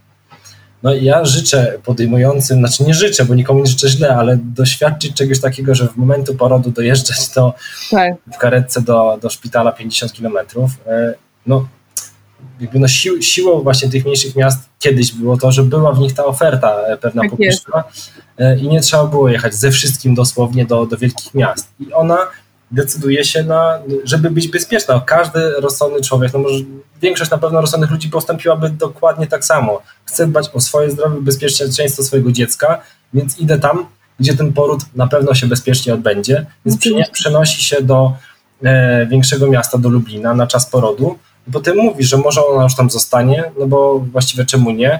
I to, to jest jakby no takich historii pewnie są no, wiele, wiele, wiele. Jedna się przynosi ze względu właśnie na porodówkę, a drugi ze względu na pracę. Jasne, na miejscu tam nie ma.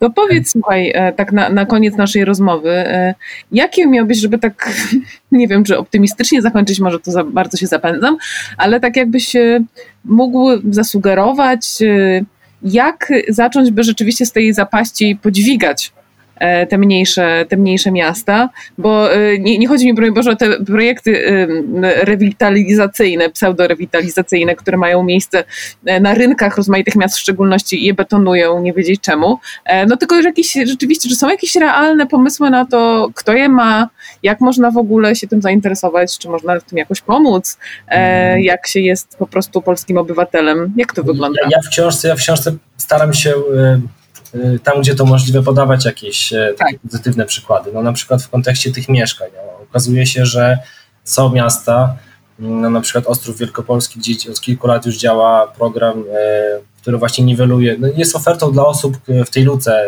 czynszowej, o której wspomniałem. Tak. że mieszkańcy po prostu mogą wziąć w tym udział i, i jeżeli spełniają warunki, no to jest losowanie i w bardzo transparentny sposób to się odbywa.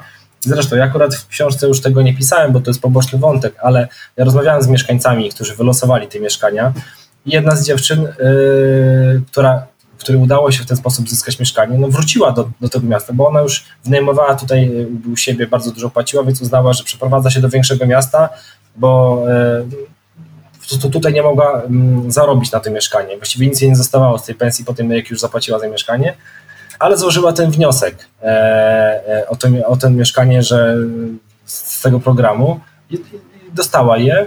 Oczywiście no, musi za to płacić i tak dalej, ale dużo mniej niż na tym rynku e, komercyjnym i miała jakby po co wracać, miała po co wracać, więc, więc wróciła, więc to tak. widać to działa. Przykład drugi z Bielawy, gdzie spółdzielnia mieszkaniowa wzięła się za to, żeby takie mieszkania bardziej dostępne finansowo budować i też wiem, że rozeszło się to jak świeże bułeczki, nawet jak, e, jak gdzieś śledziłem już, już dalej, e, kiedy był etap szukania właśnie tych lokatorów, to zapełniło się to bardzo szybko, chętni wykupili od razu te mieszkania i ktoś zrezygnował z jednego z jakiegoś powodów. I ogłosili na Facebooku, e, że jest jedno wolne, jedno mieszkanie się zwolniło.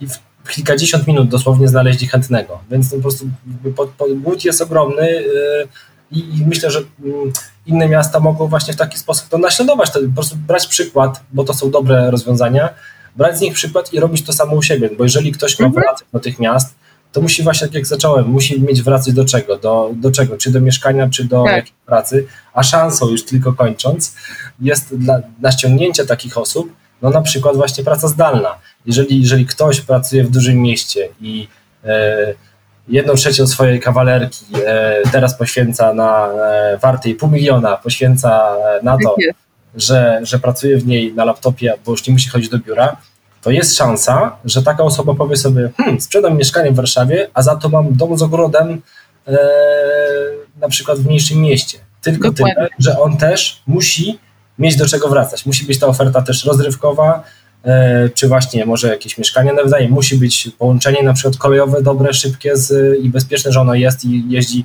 nie raz na, nie raz na dobę, tylko kilka razy e, albo co godzinę na przykład do dużego miasta, że w razie czego, gdy nie będzie miał e, jak spełnić pewne swoje jakieś potrzeby na miejscu, to sobie wygodnie i szybko dojedzie do, do tego większego ośrodka. Więc tutaj, tutaj szanse są, tylko też no, jakby no pandemia pewno taką furtkę otworzyła, tylko no, mm, no muszą być też działania wodarzy odpowiednie, żeby, żeby, żeby tą szansę wykorzystać.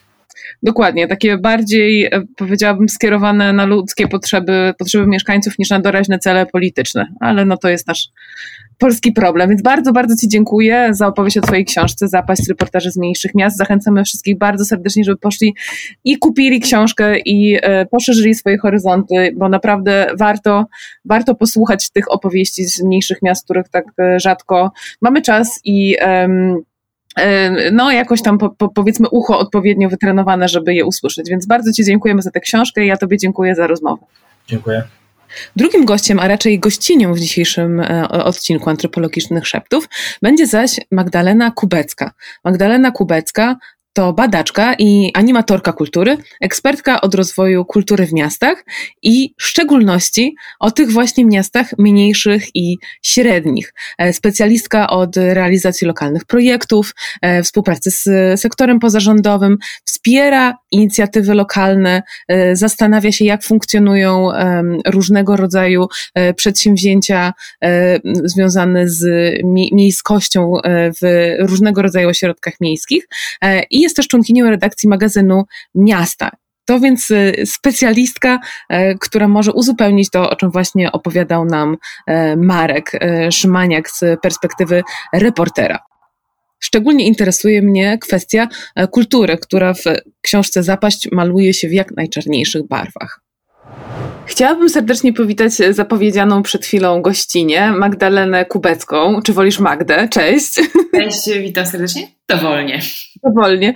E, jak już wspominałam, Magda jest animatorką kultury, jest, jest badaczką, antropolożką i od wielu, wielu lat y, pracuje w średnich, tak zwanych średnich i mniejszych miastach z lokalnymi społecznościami i bardzo jestem ciekawa, Magdo, jaki jest Twój punkt widzenia na, na sytuację, szczególnie związaną właśnie z lokalnością i lokalną kulturą w tych mniejszych miastach, bo po książce e, Zapaść Szymaniaka można mieć wrażenie, że to są e, takie kałuże bez nadziei i że bardzo trudno jest wprowadzić jakąkolwiek pozytywną zmianę w tych ośrodkach, które jednak tworzą współczesną Polskę. Powiedz, jak z Twojego doświadczenia e, wygląda to e, miastowanie w tych ośrodkach? E, no właśnie, znaczy to tak naprawdę chyba zawsze zależy oczywiście od punktu siedzenia i od tego, jaką perspektywę przyjmiemy. Y, bo autor książki wprost mówi, czego szuka i jakich bohaterów zaprasza do, do poprowadzenia go przez te, nazwijmy to, mniejsze miasta. Ja w mojej pracy szukam ludzi z drugiego zupełnie bieguna. To znaczy, ja, jeśli pracuję w, w jakichś ośrodkach miejskich, to, to tak naprawdę bazuję przede wszystkim na aktywnych mieszkankach i mieszkańcach, można nawet ich nazwać aktywistami miejskimi, Aha. na ludziach kultury, na ludziach, którzy też po prostu poszukują e, i sami tworzą taki, taki ferment, tak, z którego bardzo dużo rzeczy się dzieje. Więc mogłabym e, opowiedzieć e, książkę, która byłaby totalnie drugą stroną tej mhm. samej monety, osadzona dokładnie w tych samych ośrodkach, ale, ale po prostu przez innych bohaterów. Ten obraz byłby wtedy inny. Aczkolwiek nie możemy abstrahować od tych problemów i wyzwań i danych, które przytacza autor i które są po prostu już jakimiś faktami, tak? Bo y, o takiej sytuacji związanej z bezrobociem i z różnymi trudnościami na rynku pracy, mieszkaniowymi i tak dalej, oczywiście, że, że, ja też się stykam i mam takie poczucie, że wiele z tych miast znalazło się faktycznie w bardzo trudnej sytuacji. No ale znowu, ten worek, do którego wrzucamy mniejsze i średnie miasta jest po prostu ogromny. I co miasto, to historia. Ja się skupiałam przez kilka lat na, na, pracy w byłych miastach wojewódzkich. One mi się wydają szczególnie ciekawe, bo one zostały zdegradowane tak wprost, tak? Jakby przez reformę administracyjną przez po prostu zmianę sposobu finansowania, budżetowania jakby na, napompowano im aspiracje i, i nadzieje, pobudowano gmachy, na przykład ja zajmuję się głównie kulturą, pobudowano gmachy kultury, a potem obcięto absolutnie finansowanie, odebrano im ten status wojewódzkości i one po prostu tak wprost zostały zdegradowane, co, co rzutuje na bardzo wiele różnych sfer życia. E, ale, ale moje doświadczenia są, są inne, to znaczy takie, że ja widzę bardzo duży potencjał mm, taki kulturotwórczy, społeczno-twórczy w tych ośrodkach, również właśnie przez ich skalę. Mhm.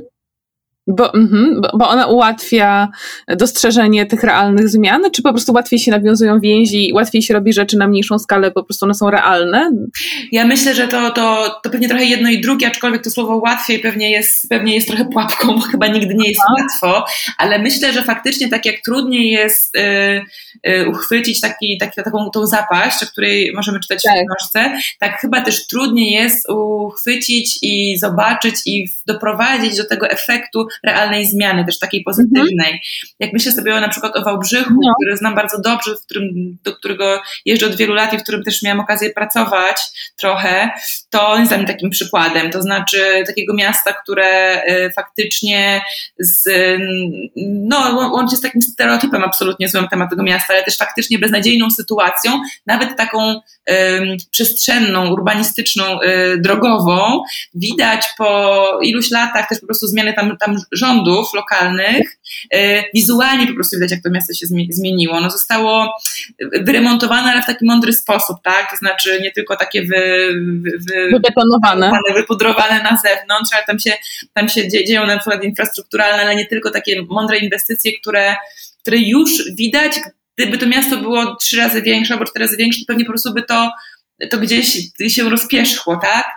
Y, no i też te środowiska, które tam działają, to znaczy to jest y, taki, y, ten kij ma dwa końce, to znaczy to, że jest tam dość małe grono ludzi, którzy chcą coś zmienić, w obszarze miasta, kultury, sztuki, ale też mobilności, też dostępu do edukacji, usług publicznych i tak dalej, powoduje to, że nie z jednej strony są sfrustrowani, bo się wszyscy znają, mają takie poczucie, że już czasem im brakuje takiej energii z zewnątrz, z drugiej strony no ten, ten to nie jest nawet pięciu ścisków dłoni do prezydenta, tylko często jeden mhm. uścisk dłoni, tak? Jak to takie, taka możliwość, no ma to swoje dobre i złe strony, ale taka tak. możliwość wpłynięcia realnie na politykę miejską i na instytucje, i na sposób finansowania i na jakąś akcję, wydaje się szyb, szybsze, tak? Jakby gdzieś tam takie mocniejsze. Jasne, jasne, jasne.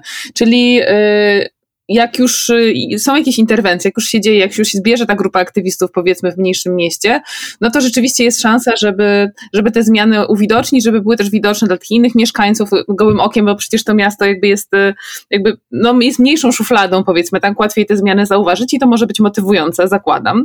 E, I to się wydarzyło w Wałbrzychu. A czy masz jeszcze jakieś inne z, w, z ciągu lat y, Twojej działalności, doświadczenia, które zrobiły na Tobie ogromne wrażenie? Nie wiem, takie związane z wyglądem miasta, infrastrukturą, jak już powiedziałaś, ale może właśnie ze współdziałaniem ludzi, szukaniem dla siebie mm, jakichś nowych y, ról albo miejsc właśnie, bo w mhm. Twoim bio jest bardzo ciekawe słowo, które chciałabym tutaj teraz wprowadzić, że jesteś placemakerką. Co to właściwie znaczy? Co to jest to robienie miejsc mhm. y, w różnych y, ośrodkach?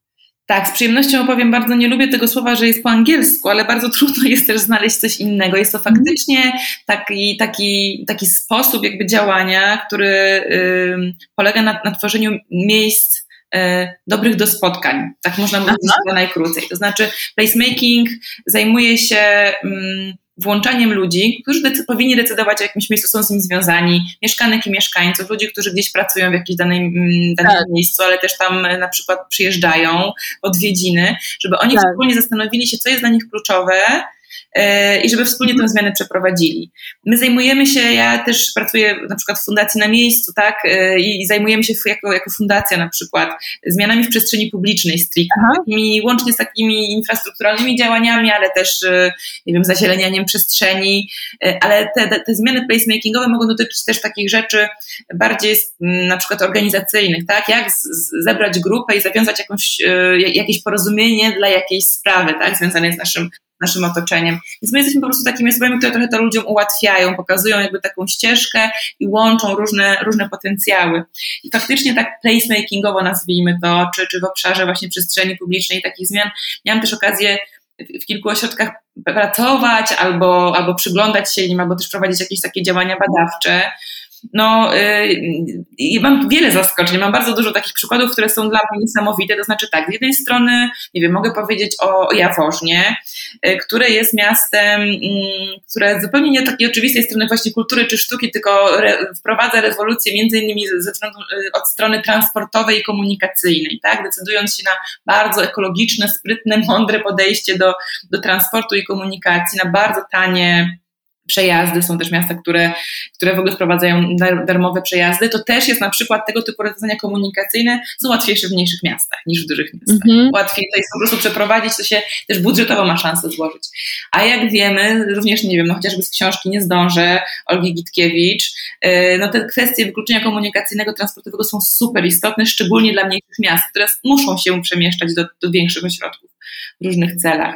I dla mnie na przykład to Jaworzno jest pod tym względem niesamowitym zaskoczeniem, ale już z takiej strony stricte związanej z z, z placemakingiem, z przestrzenią publiczną, no na przykład Słupsk, tak, którym było głośno swego czasu ze względu na e, progresywnego prezydenta, ale on, zanim jeszcze Biedroń został tam prezydentem, e, ludzie kultury tam działają niesamowicie prężnie, niesamowicie aktywnie, łącznie z takim właśnie wychodzeniem z murów swojej instytucji, włączaniem ludzi, byciu w takim też silnym porozumieniu jako środowisko budują tam na swoim dziedzictwie. To też jest w ogóle ciekawe, -hmm. że te miasta często grzebią, szperają swojej historii i wyciągają bardzo nieoczywiste wątki, no bo często nie mają tej historii przez wielkie H, tak. tylko na przykład y, Słupsk i Witkacy. No, Witkacy nie, nie, nie, nie ma związków takich wprost ze Słupskiem. Natomiast oni stworzyli sobie taką narrację, taką opowieść, żeby tego Witkacego tam e, w bardzo sprytny sposób wyciągnąć i na nim wokół niego budują bardzo wiele, wiele różnych działań.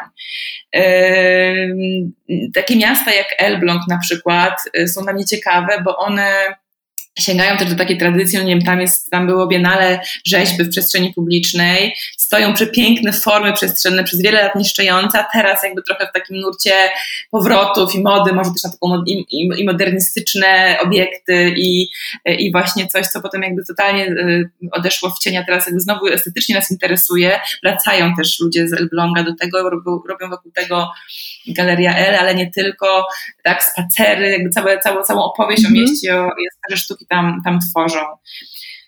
Ale też są takie miasta, które są zupełnie malutkie, bo ja mówię o takich miastach właśnie średniej wielkości, ta skala też to jest jakby bardzo nieporównywalne. Dla mnie jest tak. ciekawe to, że one się zawsze pozycjonują wo wobec innego miasta, tak? Jeśli są przy Jeleniej Górze, właśnie chcę powiedzieć o, o Lubomierzu, koło Jeleniej Góry, to Jelenia Góra jest dla niej odniesieniem, a jeśli są to, nie wiem, Niepołomice, które też są ciekawym miastem, gdzie na przykład ro ro rośnie liczba mieszkańców, które są koło Krakowa, to się pozycjonują wobec Krakowa.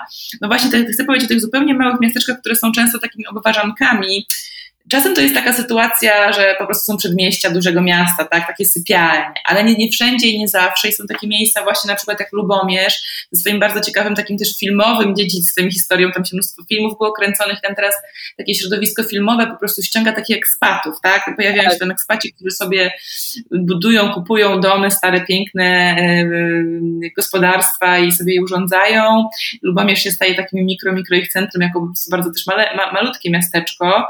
Yy, ale jakby zupełnie zyskuje nową, nową twarz dzięki temu tym napływowym, tak? To jest jeszcze jakieś takie inne ciekawe zjawisko. Nie wiem, no książka, reportaże powstawały pewnie przed pandemią w dużym stopniu. Ja też prowadziłam dużo moich badań i działań przed pandemią. Myślę, że pandemia powoduje coś takiego, że te mniejsze miasta i średnie miasta stają się jeszcze atrakcyjniejsze. One są bliżej natury mm -hmm. często w jakimś pięknym, pięknym położeniu. Y, tamten COVID jakoś jak obserwowałam i, i rozmawiałam z różnymi znajomymi, inaczej przebiegał, tak, mi się wydaje. Tak, tak, tak. To zdecydowanie mogło coś zmienić. Ja też mam wrażenie, że jest taka fala zainteresowania tym, jak można by się odnaleźć, albo w ogóle nawet nie fala zainteresowania, tylko nawet taka świadomość napływa do tych większych miejskich ośrodków, że o, są takie mniejsze, ludzie tam inaczej przeżywali nawet emocje, tak już nie mówiąc o codzienności. To co to właściwie jest za Polska, co się tam dzieje? Dlatego E, cieszę się, że ta książka teraz wyszła e, i, i też może twoje badania i, i ta książka, to znaczy jakby głos reporterski i głos antropologiczny, e, mam nadzieję, że one rozbiją to taką opowieść o miastach, która jest w wiadomościach i newsach, która mam wrażenie jest taka bardzo powierzchowna i jakaś taka bardzo stereotypizująca. E, nie wiem, czy ty masz wrażenie, że, że też taki ogląd jako, jako badaczka tych mniejszych miast e, panuje w Polsce, że no my wiemy, że ci właśnie z tych małych miasteczek to nie mają gdzie iść i siedzą na murku i piją alkohol, tak, i e, dzieciaki latają samopas i w końcu źle kończą, ponieważ nie mają biblioteki, do której mogą wejść, na przykład, tak? Tak, tak, tak, tak. Myślę, że te osoby, które tam właśnie też próbują coś w tych miastach zmieniać, albo po prostu super aktywnie i bardzo właśnie też ciekawie, progresywnie, eksperymentalnie działają, bo przecież takich miejsc też jest mnóstwo. Tak. E, myślę, że same się mierzą z tym mocno. Jak sobie tak pomyślimy, nie wiem, o scenie teatralnej, ja się tak stricte teatrem nie zajmuję, ale jak sobie pomyślę o tych różnych ciekawych teatrach i ośrodkach i zjawiskach teatralnych przez ostatnich 20-30 tak. lat w Polsce, to mamy tak, teatr w Legnicy, teatr właśnie we wspomnianym wcześniej w Wałbrzychu, teatr w Słupsku, e, jakieś super małe ośrodki też, jak tam Sejny, tak, e, które są po prostu faktycznie takimi, czy, czy, czy Bielsko-Biała, takimi bardzo ciekawymi miejscami, w których się rozwija też po prostu no, awangardowa, ciekawa, ale jednak instytucjonalna i du duża kultura, tak? tak? E, ale myślę, że oni wszyscy się po prostu mierzą z takim, z takim stereotypem i z takim auto też stereotypem. No właśnie. E, coś, co mnie chyba tak najbardziej zawsze y, jednak jakby jest takim potwierdzającym się, potwierdzającą się diagnozą i tym, czy, w czym ja najwięcej w obszarze kultury widzę tych różnic między dużym miastem a mniejszym miastem, to jest życie nocne. Aha to jest bardzo moim zdaniem ciekawe, dlatego że dużo osób, które tworzą tam i działają i pracują, chciałyby mieć taki, tak, taki, taką możliwość, znaczy to życie nocne, nawet, nawet takie życie po 19, tak, czy po 18 mhm. możliwe gdzie indziej niż tylko w jednej, w jednej knajpie z piwem. No tam faktycznie się wydaje, nie ma chyba takiej masy krytycznej, która by trzymała takie miejsca przy życiu, tak, tak, tak naprawdę, tak. E, I to jest chyba coś, że te miasta faktycznie tak pustoszeją, że one mają taki swój zupełnie inny rytm, o wiele wcześniej zaczynają, albo zaczynają podobnie jak te większe ośrodki, ale gdzieś tam faktycznie usypiają. Bardzo jestem ciekawa, czy, mm, czy w, tym, w tym obszarze na przykład coś się zmieni, tak? Mhm. Czy, czy będzie dużo takich miejsc, które działają też w trochę innych godzinach. Instytucje kultury, takie nawet właśnie miejskie, widzę, że zmieniają te, te swoje godziny mm, otwarcia, tak? Że biblioteki publiczne często zaczynają się użytkować popołudniami, w weekendy. Kiedyś to było absolutnie nie do pomyślenia, więc może to po prostu jednak się idzie za tym klientem, nazwijmy to. Mhm. Ale myślisz, że nie jest. Że, czy sądzisz, że jeśli chodzi o jakieś powiedzmy polityki, tak, czy, czy finanse, które są kierowane do mniejszych i średnich miast, to powiedziałabyś, że jakby to, jak teraz to wygląda, to jest w porządku, to jest zadowalający stan, czy raczej trzeba przeprowadzić jakieś rewolucje w myśleniu o tym, jak pomagać, jak, jak tworzyć jakieś, e, nie wiem, instrukcje obsługi dla tego rodzaju ośrodków i, i przede wszystkim nie jest tak, że one potrzebują więcej kasy, czy może właśnie nie, a mm. więcej e, konceptu. Mhm. Słuchaj, nie mam pojęcia, dlatego że e, po prostu nie widzę, żeby cokolwiek się w tym obszarze działo. Znaczy w krajowej polityce miejskiej jest cała część, nie cała, pewien, pewien fragment poświęcony mniejszym miastom i byłym miastom wojewódzkim, ale nie przykłada się też absolutnie na, na żaden e, nie program, czy strategię, czy jakieś takie cele operacyjne, to w ogóle tak to w tą stronę nie idzie. Jest trochę takich programów skupionych, jakby skierowanych do mieszkańców tych mniejszych miast, mniejszych miejscowości, ale to w ogóle nie jest jakby tak całościowo, yy, nie można tego postrzegać jako jakiś taki całościowy z zamysłem, nie ruch. Yy, mi się wydaje absolutnie, że potrzebują więcej środków. Znaczy, właśnie przypomnijmy, że te miasta wojewódzkie od reformy administracyjnej, od końca lat 90., one cały czas w zasadzie można powiedzieć na to czekają. Im tam zostało y, obiecanych, y, przyrzeczonych bardzo dużo konkretnych y, rozwiązań i w zasadzie nic nie zostało zrealizowane. Taki pomysł, który moim zdaniem jest bardzo dobry, to są wyższe szkoły zawodowe, które miałyby w tych miastach powstawać. Tak. Powstało zamiast 18, nie wiem, 3 czy, czy, 4. One też w ogóle ciekawie w tych miastach działają, no bo też wiadomo, co, co, co miastu dają studenci, właśnie jakieś życie studenckie, nie? To jest jakby też niesamowicie właśnie z perspektywy życia społecznego, kulturalnego, niesamowicie ważne ważna grupa, ważny zasób e, i, i odbiorca i twórca tych, tych, no. tych e, działań. E, więc takie wyższe szkoły zawodowe mogły być w ogóle świetnym jakby kluczem do tak. ożywienia bardzo wielu obszarów, no ale właśnie, no jakby ta obietnica nie została na przykład spełniona, jak i żadna inna. Więc powiedziałabym, chyba te mniejsze miasta, takie zupełnie mniejsze miejscowości mają chyba o wiele więcej też e, szans, tak przynajmniej słyszę, e, sięgnięcia po jakieś fundusze unijne, takie właśnie stricte infrastrukturalne i tak dalej, niż właśnie znowu ten taki środek, który się mhm. okazuje taki jest bardzo, to jest duża grupa, a on się okazuje taki ni tu, ni tam nie, nie pasuje i to w zasadzie ciągle jest znak zapytania. Ale to jest, ale to jest duży paradoks, bo ta, ta średniość, tak, która tutaj właśnie jest zgubna, no to jednak moim zdaniem bardzo mocno charakteryzuje polski krajobraz. My mam wrażenie, nie wiem, albo myślimy o Polsce idealizującą do, nie wiem, Warszawy jako kolejnego, kolejny raz jakiegoś Paryża Wschodu, tak, czy Berlina, e, no albo wsi spokojna, wsi wesoła, tak, jakąś po prostu mm, piękną, idyllicznym krajobrazem, gdzieś na krańcu, nie wiem, na wschodzie, czy, czy, czy w górach. Tak. Natomiast Polska w większości są te średnie miasta, e, tak, ludzi, którzy starają się tam jakoś poruszać, e, gdzieś robić zakupy, tak, gdzieś jakoś, nie wiem, czerpać przyjemność z życia i to nie jest dla nich takie proste, ze względu czasem na poziom dochodów, to szczególnie mnie uderzyło w książce Szymani, Szymaniaka, że, no, że właśnie masz te pieniądze niby na to życie właśnie w tym mniejszym mieście, ale jak chcesz uczestniczyć w kulturze, której nie ma w tym mieście, no to musisz jechać do większego miasta, gdzie już z kolei wymaga to od ciebie większego nakładu finansowego. Tak. Więc dużo jest tak, takich tak, paradoksów. Mhm. No. Tak, tak. Myślę, że dokładnie jest tak jak, tak jak mówisz, y, że takie miejsca, no nie wiem, jak sobie właśnie ta, ta lista to jest gigantyczna takich miejsc, które, tak. takich miast, które można byłoby tak do tej kategorii zaklasyfikować. Ale my du dużo tych miast odwiedzamy, mówię na przykład ludzie z, nie wiem, z większych miast albo z innych regionów, w celach na przykład turystycznych. Dokładnie. To jest też w ogóle nieciekawe ten temat turystyki w tych miastach, dlatego że bardzo dużo miast y, właśnie średnich stawia, właśnie jak się popatrzy na ich strategię rozwoju, to ta turystyka jest tam pierwszym, drugim, trzecim tak. celem rozwojowym, jakimś super kluczową rzeczą. Trochę mam wrażenie, że cały czas sobie nie zdajemy sprawy, jaka to jest pułapka, nie? Jak to, do czego to też może prowadzić, że to jest i sezonowość, ale z drugiej strony, jak mamy tą turystykę na taką skalę gigantyczną, po prostu na pożera miasta i tych mieszkańców. Spojrzałam sobie przed naszą rozmową teraz na takie naj, najbardziej aktualne statystyki właśnie tych miast, malejących i rosnących. Tu też jest w ogóle wiadomo z takimi rankingami, z takimi zestawieniami zawsze trochę pułapka, tak? Tam jest dużo uproszczeń, tam w tych liczbach, statystykach nie, nie, nie, nie, wszystko widać, może tak, ale popatrzyłam sobie na to i właśnie zobaczyłam takie zjawisko, które moim zdaniem związane jest stricte właśnie z turystyfikacją, że takie miasta, z których wyprowadza się bardzo dużo ludzi w ostatnich dwóch latach, to jest Władysławowo, Jasarnia, y, Hel i Kazimierz Dolny. Hmm. Tak, no to są na przykład takie, no to są cztery pierwsze pozycje, czy tam pięć pierwszych pozycji, a to są totalnie turystyczne miasta. Po prostu ludzie się z nich wyprowadzają, oddając swoje, swoje mieszkania, myślę, na Airbnb, czy na jakimkolwiek inny, w jakikolwiek inny sposób turystom.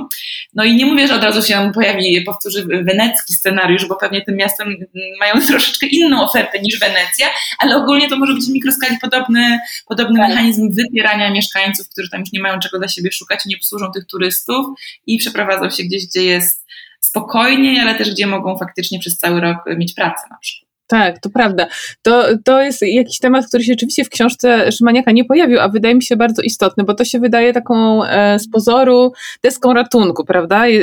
Jest to miasto tak. atrakcyjne, e, właśnie m, mm, zobaczmy, czym e, możemy się promować, jaką jesteśmy marką i będą tu do nas e, przyjeżdżać ludzie, zostawiać pieniądze i dzięki temu będziemy szczęśliwsi, no ale właśnie to nie strukturyzuje tej codzienności, nie daje tego poczucia bezpieczeństwa czy, e, czy tożsamości, tak? A a chyba chodzi o to właśnie, żeby ludzie potrafili wytworzyć sobie takie więzi typu, e, nie wiem, miłość do miasta, tak, w tych mniejszych ośrodkach i żeby nie chcieli z nich wyjeżdżać e, za życiem dorosłym, tak powiedzmy, i wracać na emeryturę, bo też e, właśnie ty, nie wiem, to, to, to, może powiesz coś przeciwnego, bo właśnie z tej książki Szymaniaka wyłania się taki obraz też starzejących się tych miast, tak, pustoszejących, że ludzie, którzy są czynni i jakieś tam pomysłowi, no wyprowadzają te pomysły na zewnątrz.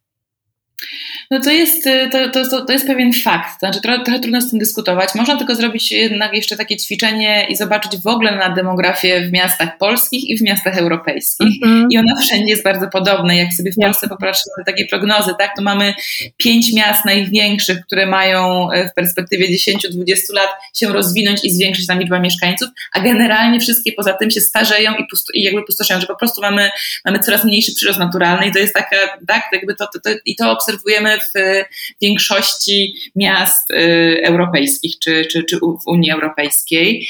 Więc to jest po pierwsze. A po drugie, tak. właśnie mi się wydaje, że trochę też po prostu, no nie wiem, ten ostatni rok może tak zmienił tak. ten, tę perspektywę, kiedy pracujemy zdalnie i właśnie szukamy często też tych innych miejsc i, i ludzie właśnie powracali z tych większych ośrodków do swoich miast, żeby właśnie nie musieli wynajmować drugich mieszkań, ale, ale to być może jest początek jakiegoś też takiego ruchu, bo to, że jakość życia w tych średnich i mniejszych miastach może być w pewnym sensie wyższa, zależy jakie wskaźniki weźmiemy pod uwagę, ale wyższa niż w metropoliach, dla mnie jest bezdyskusyjna. Znaczy kwestia długości spędzanego, długości przejazdów, e, dostępu do natury i przyrody i, i krajobrazów, tempa życia, miejsc w szkołach i przedszkolach dla dzieci, e, stopnia znajomości sąsiedztwa i sąsiadów. To są takie rzeczy, na przykład, tak. tak jakby biją nas na głowę te mniejsze miasta. Nas mówię, bo w tej chwili mieszkam w Warszawie i tutaj jakby się zmagam z różnymi też ze skalą tego miasta i tempem. E, więc no trochę może to się jakby ruszy w taką stronę, że będziemy może bardziej mobilni i trudno powiedzieć, y, pewnie nie będzie tak, tak że te miasta zaczną nagle jakby wszystkie, zacznie tam wzrastać liczba ludności, że nie zaczną młodnie, młodnieć, ale, ale może troszeczkę się to bardziej zdynamizować. Tak, bo mam wrażenie, że cały czas rozmawiamy w kontekście tych mniejszych miast o tych jednak no, grzechach transformacji. Bardzo dobrze o nich rozmawiamy, tak? No ale, ale przez to ten obraz jest też taki ponury, ale może to, to że mm, będziemy świadomi tego, co się wydarzyło, e, jednak nie oznacza też tego, że ten pacjent umrze, tak? Ten pacjent zapaści. Tak. Tylko, że może ten wstrząs, jakim na przykład była pandemia, elektrowstrząs, dla tego pacjenta rzeczywiście mu pomoże. Jestem bardzo, bardzo ciekawa, e, co to będzie i zastanawiam się, czy mogłabyś coś jeszcze dodać do tego, co powiedziałaś, bo e, nie będziemy tego ukrywać, chociaż wiem, że to bywa proces bolesny i długi, że piszesz doktorat mm, w Instytucie Stosowanych Nauk Społecznych w Warszawie i on chyba dotyczy, nie wiem, czy tak jest sformułowany znamy dokładnie temat, ale uwarunkowania kultury średnich miast w Polsce, tak? Jakby do tego dotyczy? Tak, tak. No dobrze, możemy zostawić rzeczywiście na boku kwestię, czy mój przewód jeszcze został otwarty, czy nie. Miejmy nadzieję, że nikt tego nie, nie, będzie, nie będzie słuchał i mnie ścigał za te terminy. Natomiast faktycznie prowadzę, prowadzę takie badanie i ten temat uwarunkowania rozwoju kultury w byłych miastach wojewódzkich dokładnie, dokładnie mnie interesował.